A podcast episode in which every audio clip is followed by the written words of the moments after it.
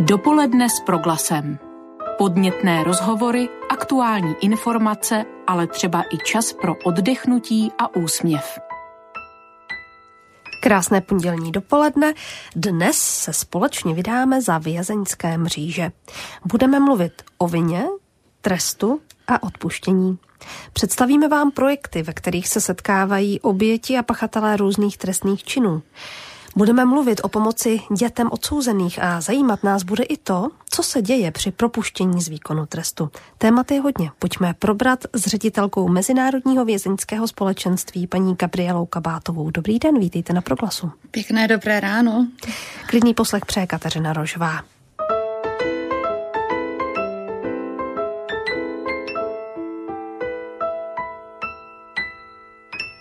Na začátek si pojďme ale představit, co znamená nebo v čem spočívá práce Mezinárodního vězeňského společenství, které tu dnes zastupujete? Hmm.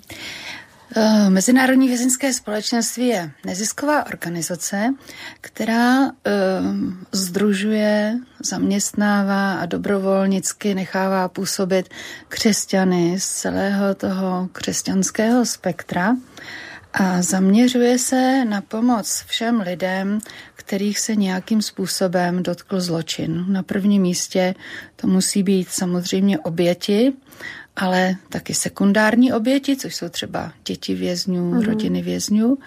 Potom samotní vězni, tak jak máme v názvu, jezdíme za vězni do do věznic a potom se věnujeme lidem po propuštění. Čili eh, celou tuhle oblast schrnujeme eh, pod, eh, pod sebe a pod takovou myšlenku dát věci restaurativně do pořádku tak, jako by byli asi co nejblíž tomu stavu, než se ten zločin stál, protože ten zločin přináší obrovský následky pro celou řadu lidí. To se netýká jenom oběti a pachatele, to se týká spousty rodin, ale i celé komunity a nakonec celé společnosti. A jde to? Je to možné vrátit věci do okamžiku, než se zločin stal? Eh, do určité míry samozřejmě ano, protože uh, restaurativní justice, taková ta ob, obnova, což je, což je mm, jako zvláštní pojem, tak eh, ta se nedívá na zločin očima paragrafu a nehledá, kdo to udělal, chyťme ho, kolik mu za to vyměříme, jak dlouho bude v tom vězení a potom, potom s ním pracujeme v tom vězení. Ona se na to dívá maličko jinak. Ona se dívá na ten zločin hlavně očima oběti. Co ta oběť potřebuje? Jaký, jaká ujma se jí stala? Co by vlastně pomohlo, um, aby, se, aby, aby ona se z toho vzpamatovala, aby uh, se dostala ze všech těch dopadů, které jsou sociální, psychický, uh, nejrůznější. A ten uh, pachatel by tomu měl napomáhat. Je to takový jiný, jiný přístup. Když jenom uh, se zločinec zavře do věznice, tak samozřejmě je to, je to nutná věc, ale oběti to příliš nepomáhá. Nepomůže to rodině, nepomůže to, nebo zdestruje to i rodinu toho pachatele. Eh, čili záleží samozřejmě na závažnosti. Eh, jsou trestné činy, za které je nutné prostě izolovat třeba do konce života, to je bez diskuze. Ale je spousta trestních činů, eh, které by bylo možné řešit úplně jinak. A právě tou mediací, mediací a nahrazováním obětem, co se jim přihodilo. A vlastně v ideálním případě by ta oběť eh, měla mít mm, takovou míru náhrady, že by byla schopná i odpustit tomu pachateli, vyrovnat se s tím a pustit celou tu situaci a dojít nějakého pokoje velikého. Ty myšlenky, které tu prezentujete, zní opravdu velmi dobře. Možná Lecko napadne, dovolte mi, že se na to takto ne, možná drsně zeptám, jestli to není trošku naivní očekávat od pachatelů nějaké pochopení pro oběti a, a dívat se na ten trestný čin jinak než očima paragrafů. Mm. Ale zdá se, že ne, protože vy ty zkušenosti máte. Tak mě zajímá, jaké jsou reakce pachatelů na to, když přicházíte a začnete o těchto tématech mluvit z tohoto úhlu pohledu. Tak zní to, zní to možná jako pohádka, to máte pravdu, ale e, není to pohádka a e, já bych možná zmínila e, náš projekt, ve kterém to vyzkoušený máme. Je to projekt e, právě té restaurativní justice, ve kterém se setkává vždycky šest vězňů a šest obětí úplně jiných trestných činů. Nesou, ty, ty lidé se v životě ne, neviděli. A po dobu osmi týdnů, jednou týdně se setká tahleta skupina uvnitř věznice a oběti vypráví pachatelům, co se jim stalo. A naopak ti vězni vypráví to, co provedli oni.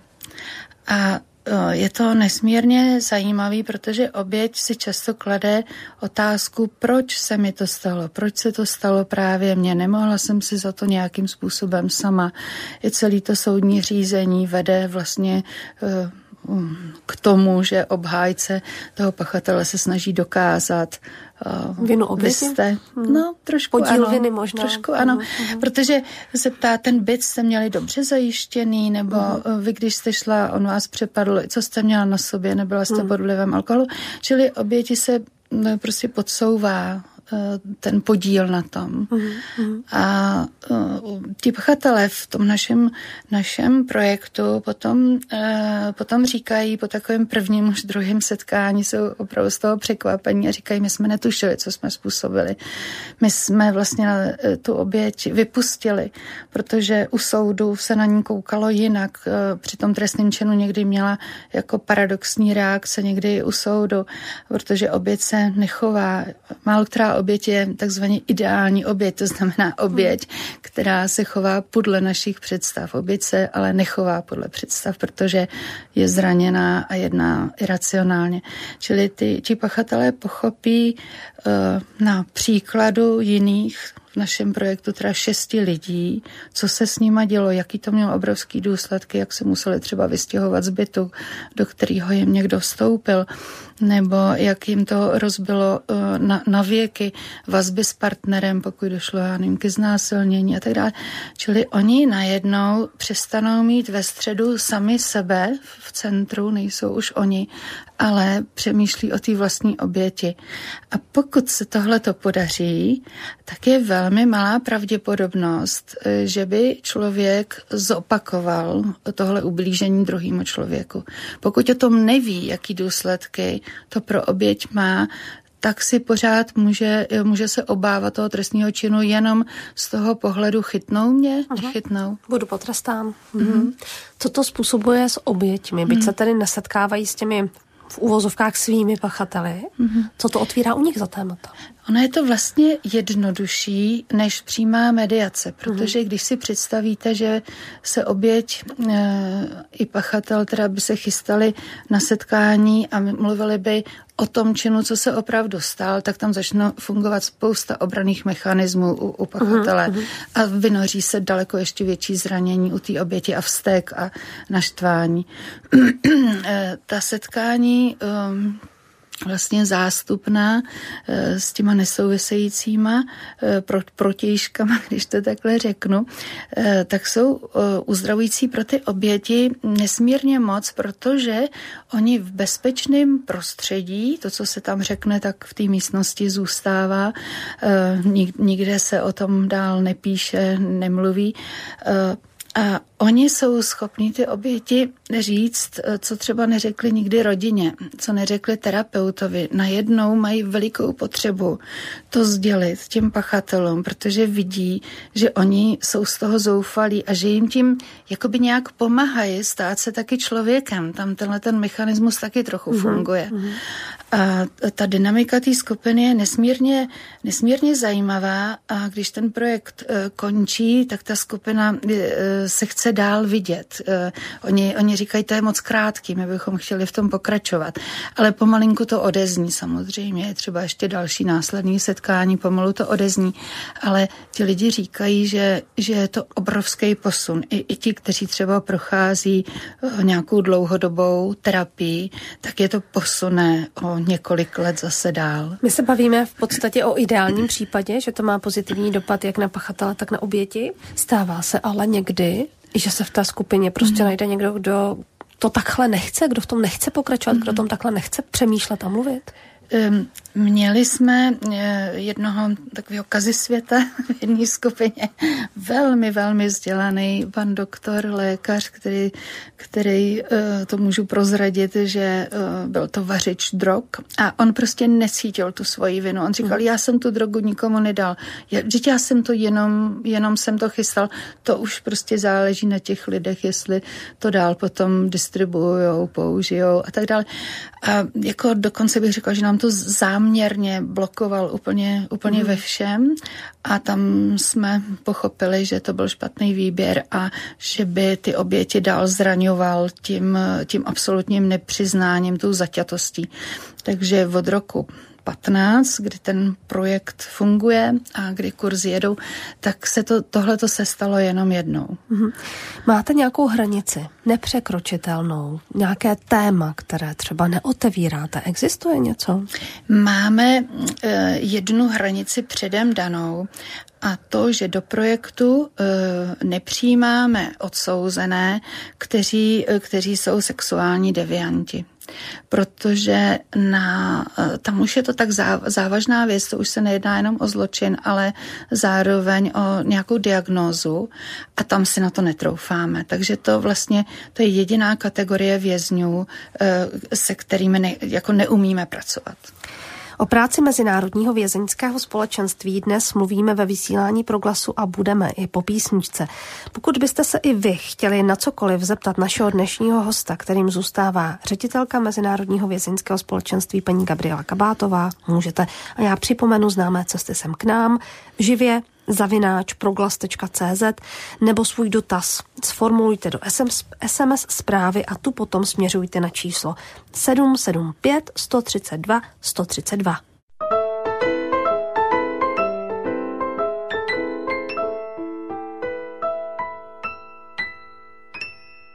Posloucháte dopoledne s proglasem dnes s ředitelkou Mezinárodního vězeňského společenství Gabrielou Kabátovou.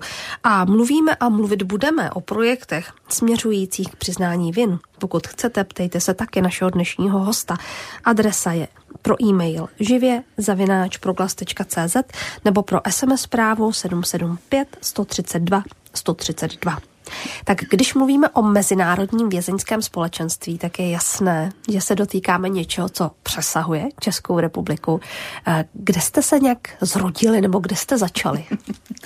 tak eh, ten, eh, to srocení, jak, jak, jak mile říkáte, tak začalo už před nějakými 40 lety. Zakladatelem vlastně byl Chuck Colson, právník Bílého domu v aféře Watergate, potom se dostal do vězení v Alabamě a po této té zkušenosti, kde byl čerstvě, čerstvý konvertita, čerstvě uvěřil, tak uh, začal uh, organizovat malý modlitební skupinky uvnitř věznic, což je mhm. hrozně moc zajímavá věc. A myslím, že bychom na to rádi navázali, nedaří se nám to tak úplně, ale v tom duchu pracujeme. Eh, Mezinárodní vězeňský společenství v tom, eh, v tom rozměru světovém Prison Fellowship International združuje na 116 zemí světa v tuhletu chvilku a vlastně každá ta země může mít i svůj jiný název. My kopírujeme přesně uh-huh. ten, ten název se světový, ale v některých zemích se, se jmenují úplně jinak a my nejsme od nich nějak uh, finančně uh, podporovaní, ani uh, nám nikdo nevnucuje, co máme dělat. My se můžeme zaměřit na cokoliv, ale chceme patřit do té mezinárodní rodiny, protože nám to přináší eh, řadu výhod, když se, když se země spojí, ať už je to eh, možnost dobrýho informování o tom, co se vlastně ve světě děje. Je to křesťanská eh, organizace, to znamená, že i tenhle ten rozměr, že my se jedna země modlíme za druhou, je nesmírně důležitý pro nás. Další věc je ta, že my existujeme 12. rokem, ale ta mezinárodní organizace, jak už jsem říkala, přes 40 let. To, to znamená, že mají vypracovaných spoustu vynikajících projektů a ty jednotlivé členské země si můžou projekty mezi sebou vyměňovat. My, když tady něco vymyslíme zajímavého, tak se můžou inspirovat další země a naopak. Nebo můžeme eh, požádat o lektory mm. pro určitý program. Takže je to pro nás výhodný nezůstat jenom tady eh, ve svém vlastním prostředí, ale trochu se rozhlížet, co se dál ve světě děje. A jsou ty zkušenosti ze světa přenositelné? Eh, v něčem ano, v něčem ne. Něco musíme nepatrně upravovat. My vlastně jsme přejali ten, ten projekt Building Bridges, setkávání obětí a pachatelů, o, o kterém jsem mluvila. A tam toho k úpravám zas tak příliš moc není. Mm-hmm. Potom jsme e, přijali teď velmi, velmi úspěšný projekt, který poběží brzy už v polovině českých věznic. Jmenuje se Vězňová cesta a je to projekt e, taky na bázi restaurativní justice, ale vychází z Markova Evangelia a je také pro skupinu 12, to je taková vždycky mm-hmm. ideální skupinka těch, těch 12 vězňů. Uh, taky se setkávají 8 týdnů a na konci dostanou certifikát o absolvování. A oni se soustředí na evangelium uh, svatého Marka a my jsme se toho z začátku báli, protože jsme si říkali v naší ateistické společnosti, jak to asi bude přijatý, protože ten nezájem je poměrně veliký, ale ve věznicích je obrovský. A je to uh, jeden z našich nejúspěšnějších projektů v tuhleto chvíli a e, zapis, zapsaných na nich na nějakých listinách čekacích je v každé věznici poměrně velký počet lidí, ani vlastně jako nestačíme naplňovat ten, ten zájem, který je. A ten projekt je vypracovaný uh, z Prison Fellowship International a dostali jsme ho i s, vytištěnýma materiálama a jenom jsme je uh, vlastně zajistili jsme překlad, ale tam od nich máme velikou pomoc, abychom ten projekt dělali dobře a se správnýma standardama. Čili to je taková nejvíc asi největší opora, kterou ze zahraničí máme, ale potom jsou projekty, které musí být ušitý tady na míru a to je třeba příprava na propuštění a následná péče na svobodě, e, protože to je všude na světě zajištěno jinak, tak to jsme museli vytvářet úplně sami. A zrovna tak dětský projekty e, nejde úplně všechno, všechno přejímat a nemá to smysl. Takže něco tvoříme, většinu tvoříme sami a jsou projekty, které přejímáme. Nakolik se to, co děláte, potkává s prací vězeňských kaplanů? V čem hmm. jste jiní? Hmm. Vězeňský kaplan je člověk, eh, který je buď to na plný úvazek nebo na částečný úvazek zaměstnancem věznice. To znamená, že je to, je to mm, člověk, který může nesmírně ovlivnit i klima ve věznici. Je tam každý den a neměl by tam být a nebývá jenom pro vězně, ale i pro zaměstnance a i pro, pro rodiny.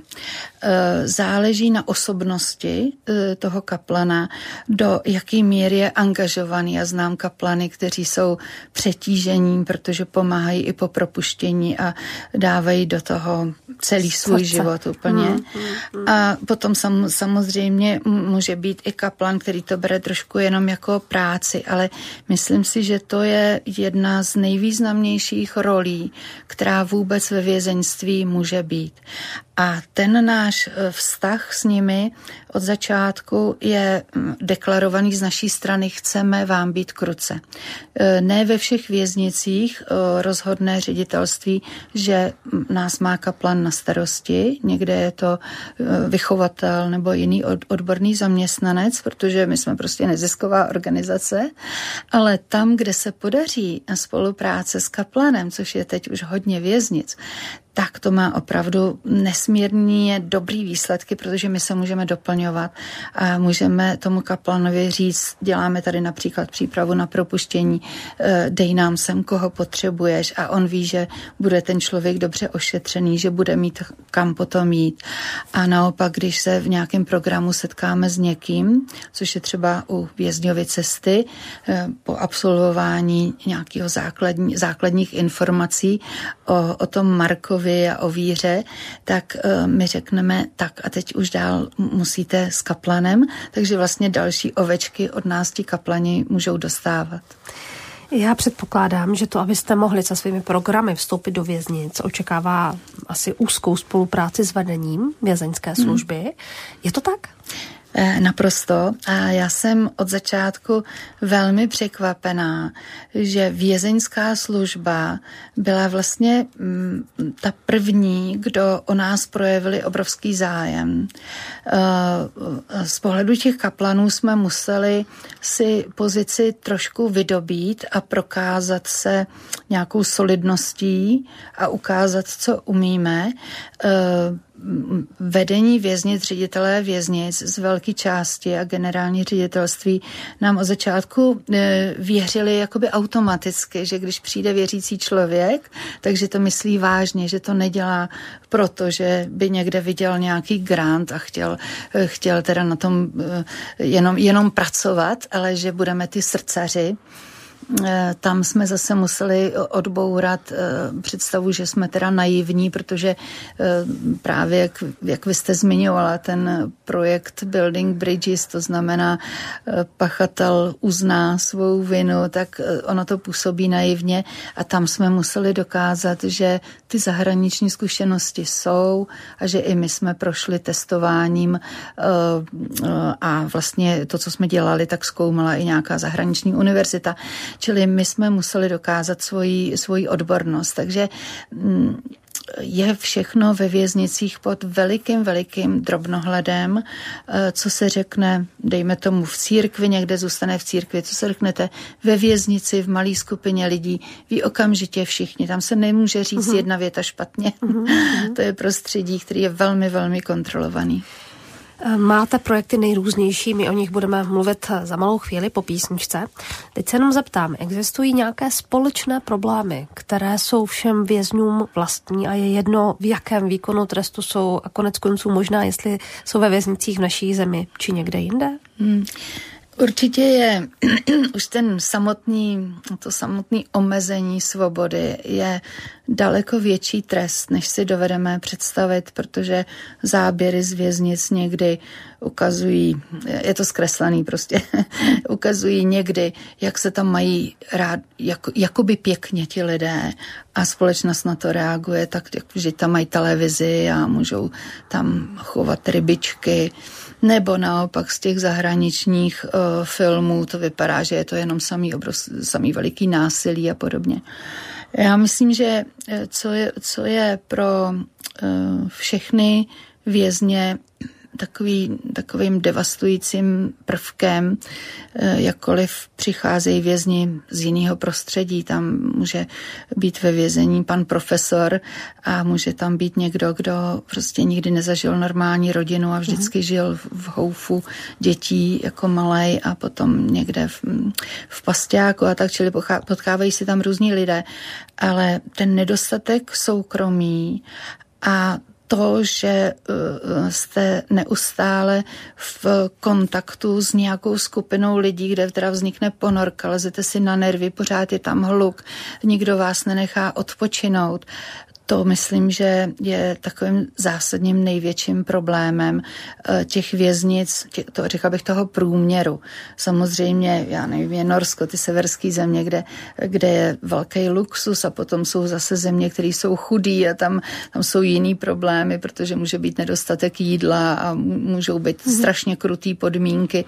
Ale když mluvíme o tom, co asi tak jako známe eh, z, tady z, Ev, z Evropy a nebo, nebo ze Spojených států, státu, tak e, ti vězni vlastně jsou poškození, e, řekla bych, trochu na zdraví a na, na psychice, protože dlouhodobě člověk nevydrží být v tak patologickém prostředí. A v České republice e, jsou některé věznice opravdu i krásně vybavený a tak, ale pořád jsou ložnice až po 80 lidech a pořád ehm, eh, je to taková, taková masa, není tam možnost růstu individuality, nacházení toho, v čem jsem dobrý, co bych mohl na sobě vylepšit. Eh, těch programů je strašně málo, takže v podstatě eh, může to velmi zdestruovat osobnost. Zeptám se ještě, s čím se potkáváte z řad veřejnosti? Podpora vašich aktivit nebo třeba i otázky, proč nepomáháte jinde? Proč vstupujete právě do věznic? Potkáváte se i s něčím podobným? Eh, určitě ano, ale za těch posledních 12 let se to nesmírně zlepšilo. A ten posun je velmi, velmi výrazný.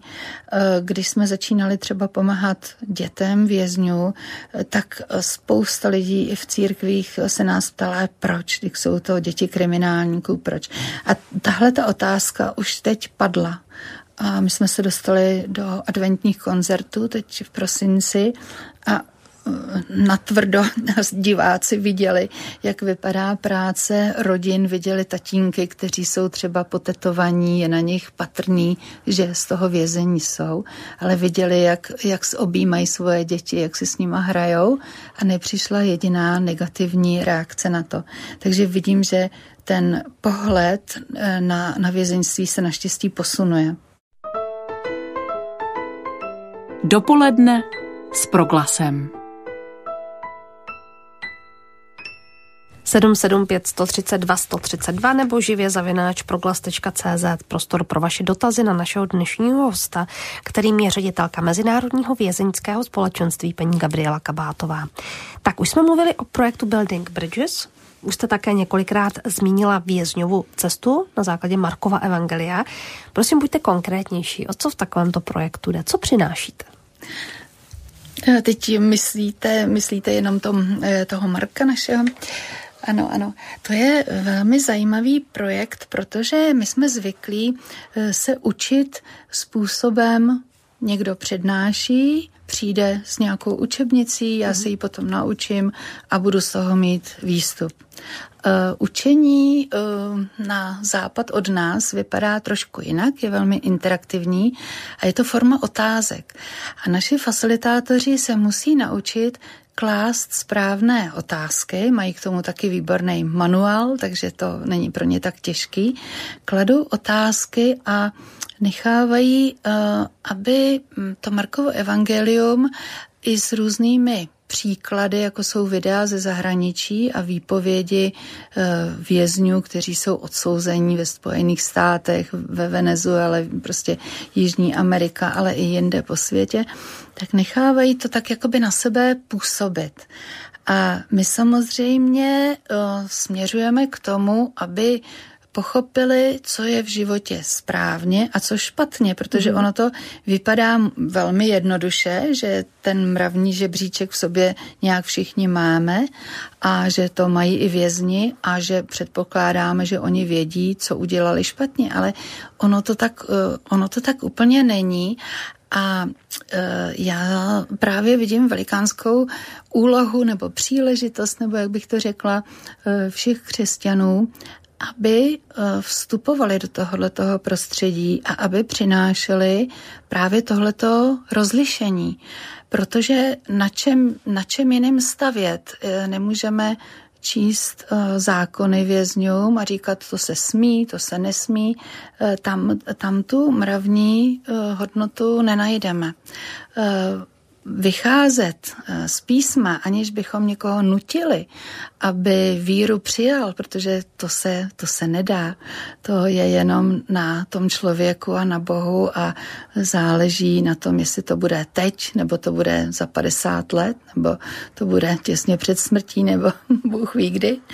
To, to my na to vliv nemáme, ale můžeme srovnat, eh, srovnat hodnoty srovnat hodnoty a jednoznačně oddělit, co je správný v životě, co je špatný.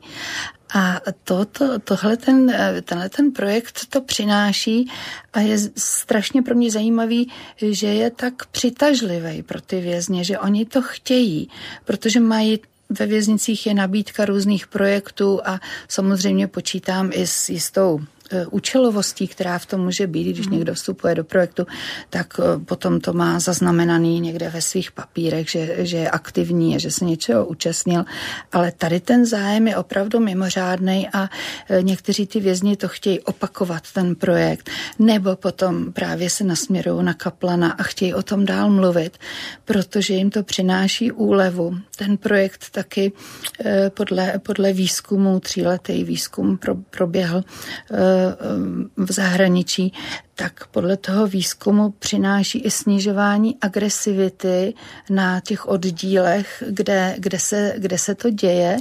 A já jsem sama slyšela třeba ve Světlí nasázovou výpověď paní, která všechno řešila velkou agresivitou a po absolvování toho projektu nám na konci říkala, že už to nedělá, že si uvědomila, že to bylo špatně a tam se hlásili její kolegyně, říkali, my to potvrzujeme. Mm-hmm. Ona už teďka mm-hmm. opravdu jako se řeší, řeší věci jinak. Vy taky pomáháte dětem vězněných. Jak konkrétně? Jaké projekty máte? Tam těch projektů máme opravdu pořád větší množství. My jsme začali eh, s vánočním projektem Andělský strom, kdy jsme už mm, od roku 2011 jsme posílali vánoční dárky eh, dětem na jejich přání, to, co potřebovali, tak jsme posílali do rodin a ten projekt eh, se nesmírně rozšířil. My jsme začínali s prvními 100 dárky a měli jsme pocit, že jsme teda jako dobří, že to je hodně. Hmm. A teď poslední, poslední rok to, poslední Vánoce to bylo 1400 dětí a to je logisticky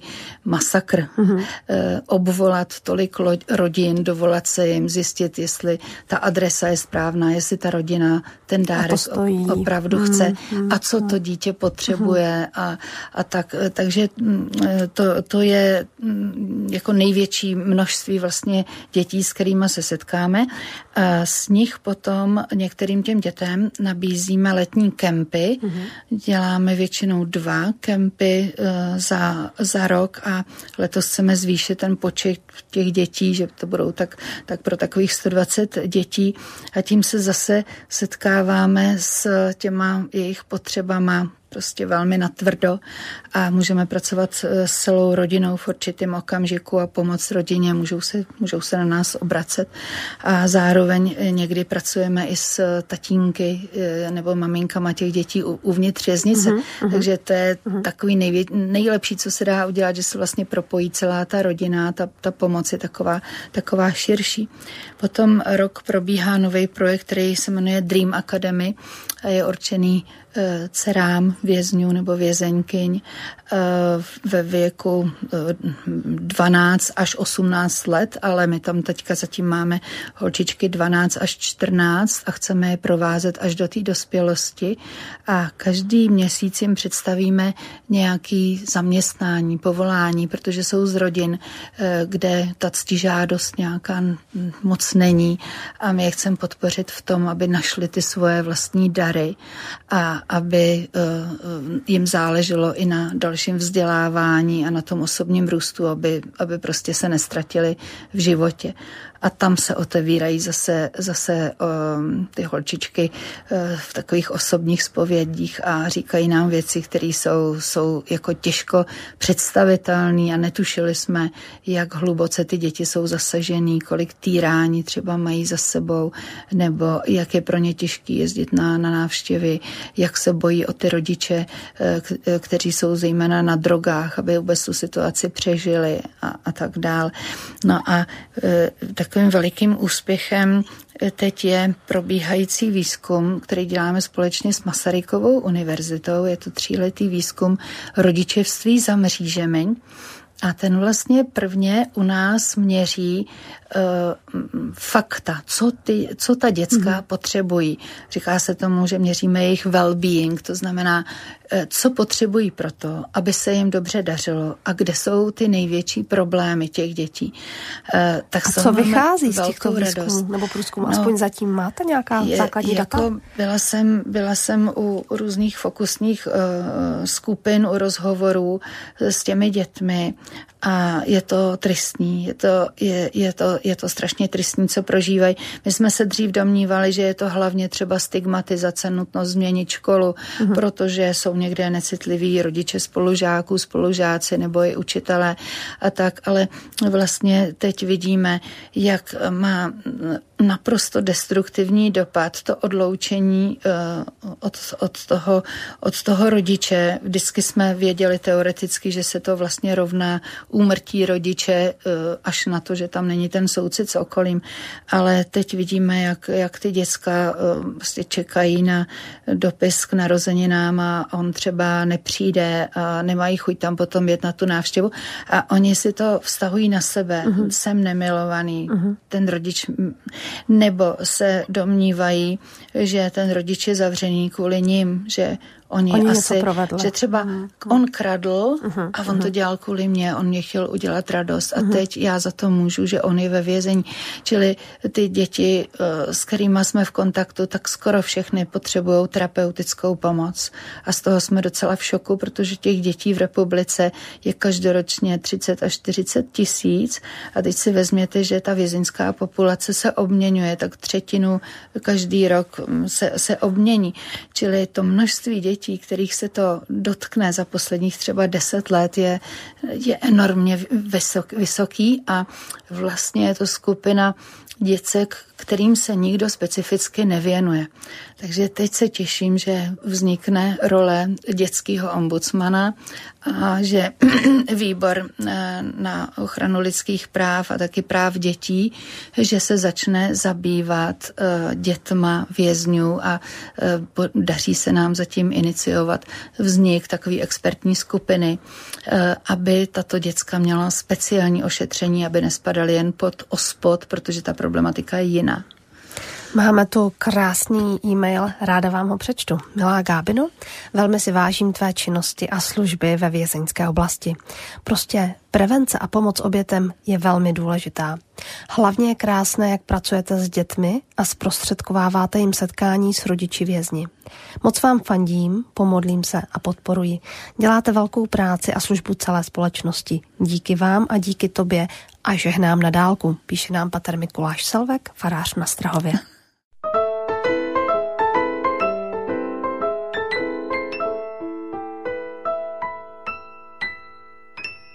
Ředitelka Mezinárodního vězeňského společenství Gabriela Kabátová je hostem dopoledne s proglasem. Bavíme se o práci tohoto společenství a pojďme si teď trošku zamyslet také nad velkými otázkami. A tou otázkou je třeba vina. Jak se pracuje s vinou? Jak někomu vysvětlit, že něco provedl, když to tak úplně třeba nechce pochopit?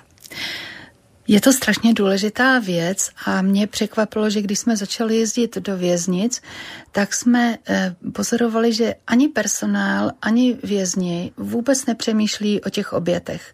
Eh, máme různé mm-hmm. metody, techniky, jak to mapujeme, ne, že bychom se jenom zeptali, myslíš, myslíš na svou oběť. Eh, prostě to tam, to tam vůbec jakoby nebylo, ale přichází to.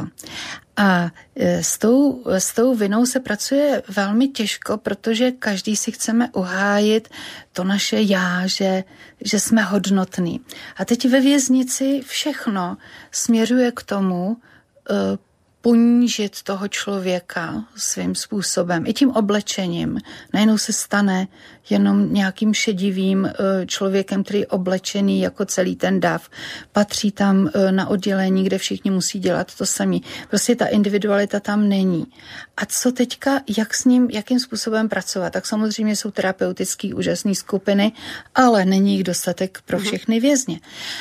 Um, já myslím, že to, s čím my přicházíme, je jednak ta výpověď uh, obětí, a to nejenom v tom projektu, o kterým jsem mluvila, ale vlastně ve všech, ve všech projektech i přípravy na propuštění a tak necháváme mluvit ty, kteří, kterým se opravdu něco stalo, protože když bychom jenom vysvětlili, víte, kluci, tohle to je špatně, no tak nás nebudou poslouchat.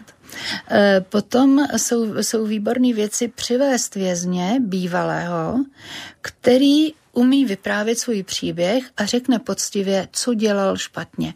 A teď najednou oni na něm vysítí vězni pohledem a říkají si, aha, tak já bych taky mohl takhle si zpracovat ten svůj příběh, když já jsem taky něco udělal, udělal špatně. Ale výborná věc je ta, že to prostě možný je a že e, máme kolem sebe lidi, kteří prošli vězením a přesně si uvědomili, v čem ta chyba byla a nechtějí opakovat a je jim to upřímně líto. A je možné z pozice oběti odpustit? E, ta oběť e, vlastně potom nějakým způsobem touží. Já jsem e, teď viděla hrozně zajímavý dokument z očí do očí, kde je to, je to, je to zahraniční film, teda, kde mluví um, rodiče, kte, eh, kteří měli zavražděné děti a mluví s těma, kdo přímo ty děti jim zabili. A oni zoufale, zoufale touží potom, aby mohli odpustit, protože bez toho odpuštění se dál žít nedá. Protože bez odpuštění si vláčí člověk takový pytel na zádech a pořád uh, myslí na to, co, co ten druhý, jak to bylo asi hrozný, jak to, udělal, jak to udělal zle a jak by mu chtěl se pomstít a podobně. Čili odpuštění je norma ideál, je to fantastický uzdravení, pokud se to podaří. Ale je třeba tomu napomoct uh, tak, aby vlastně oběť pochopila, že i ten pachatel byl člověk, který ho někde někdo zranil a proto on jedná tak, jak jedná. Ehm, a ono se eh, tohle to dá přirovnat k našim denodenním zkušenostem v manželství, na pracovišti. Ehm, to, že můžeme druhýmu, který nás opravdu zranil, odpustit, tak to pustíme a máme svobodný, klidný život. To odpuštění je, je úžasný dar a samozřejmě, že hodně souvisí s křesťanstvím a, a s vírou a Bůh to po nás chce. Někdy to může být taková past, že ten, eh, který mu někdo, komu někdo ublížil, tak je strašně moc zraněný a ještě ví někde, musím, musím odpustit. A to je potom past, to je strašlivý. Ale když se to dobře ošetří, tak je to fantazie. Co znamená trest pro oběť a co znamená trest pro pachatele? Každý mm-hmm. se asi na to bude dívat trošku jinak. Je zajímavý, že společnost volá po dlouhých trestech mm-hmm. a, a zahoďte klíče, nechte je tam zavřený, je takovýhle nesmysly. Ale eh, často ta oběť po tomhle tom netouží. E, ta oběť chce, aby ta její situace se uzdravila, urovnala, chce vědět, proč se jí to stalo. Často chce prostě, aby ten pachatel se omluvil, aby to hluboce litoval, opravdu hluboce, upřímně, nejenom na radu e, právníka před soudem, aby toho litoval, aby ona věděla, že už to neudělá nikomu dalšímu a aby se cítila v bezpečí. A ten trest Někdy, někdy eh, ta oběť může být ráda, že je, ten, že je ten člověk zavřený, ale někdy potom vůbec nepráhne. A teď se potřebuju zeptat, když by se chtěl někdo zapojit do vašich programů, pomáhat, tak jaké nároky máte na toho, kdo přichází jako dobrovolník? My jsme rádi, když je to velmi zralá osobnost, když je to věřící člověk, a když má tu správnou motivaci. Každý si musí položit otázku, proč to jdu dělat. Protože ta motivace může být velmi, velmi e, různá. E, Potom, vlastně, když se nám někdo přihlásí, tak s ním máme pohovor a zjišťujeme všechny tyhle ty věci, okolnosti. Chceme taky doporučení třeba z církevního mm-hmm. společenství, abychom měli záruku, pokud ho neznáme odjenut, že je, to, je, to, je tam nějaká normalita a dobrý zkušenosti, že s ním někdo má. E, potom potřebujeme, aby, to měl, aby měl dobře nastavený vlastní hranice, e, aby věděl, e, kam, kam až může nechat mm-hmm. toho klienta dojít. To je věc, která se těžko učí mm-hmm. a musí, musí to ten člověk v sobě mít. A zásadní věc je, aby přesně pro tuhle skupinu lidí měl srdíčko, tak jak někdo eh, rád chodí pomáhat do nemocnice eh, nebo, nebo jinám, tak eh, musíte mít rád eh, vlastně skupinu lidí a nepřipadat si, že jste lepší než oni, vědět, že ten hřích je jenom jeden v božích očích, jenom jeden a že nehraje roli, jak moc jsem ublížil. To, že ublížím i jenom málo, tak je to pořád hřích a pořád jsme jedna skupina lidí a nemůžeme se vyvyšovat, že já jsem toho neudělal tolik jako ty. Když by měl někdo zájem se víc seznámit s projekty, než nám umožnilo naše dnešní vysílání, co může udělat? Tak to nejjednodušší, nejjednodušší je podívat se na naší eh, stránku Mezinárodní vězeňské společenství. Máme ji teď udělanou tak trošku modernějším stylem, takže kdo je třeba v mém věku, tak bude trošku díl hledat, ale všechno tam je, všechno je tam obsažený, nebo může kdokoliv zvednout telefon a zavolat mě nebo mým kolegyním a všechno popíšeme, vysvětlíme. Jsme rádi za každého dobrovolníka, protože těch rolí u nás je hrozně moc. Může to být vedoucí na kempu, může to být někdo, kdo přijde do klubu pro propuštěný a jenom tam uvaří kafe. Eh, těch rolí je, je strašně moc, takže každý se vlastně uplatní. Já vám nakonec přečtu eh, to, co nám přišlo od paní Jany, protože to tak krásně schrnuje to dnešní povídání. Zdravím srdečně z, Raj, z Rajhradu a přeji nám všem boží požehnání. Já ho přeji i do vaší práce. Díky za to, co děláte, díky za to, že o tom umíte i tak krásně povídat. Budu se někdy příště těšit opět ve vysílání proglasu naslyšenou. Naším hostem byla ředitelka Mezinárodního vězeňského společenství paní Gabriela Kabátová. Já vám taky hrozně moc děkuji za pozvání a děkuji posluchačům, že vydrželi až doteď. Hezký den. Hezký den s proglasem pře od mikrofonu také Kateřina Rožová. Naslyšenou. Dopoledne s proglasem. Každý všední den mezi devátou a desátou jsme v tom s vámi už 25 let.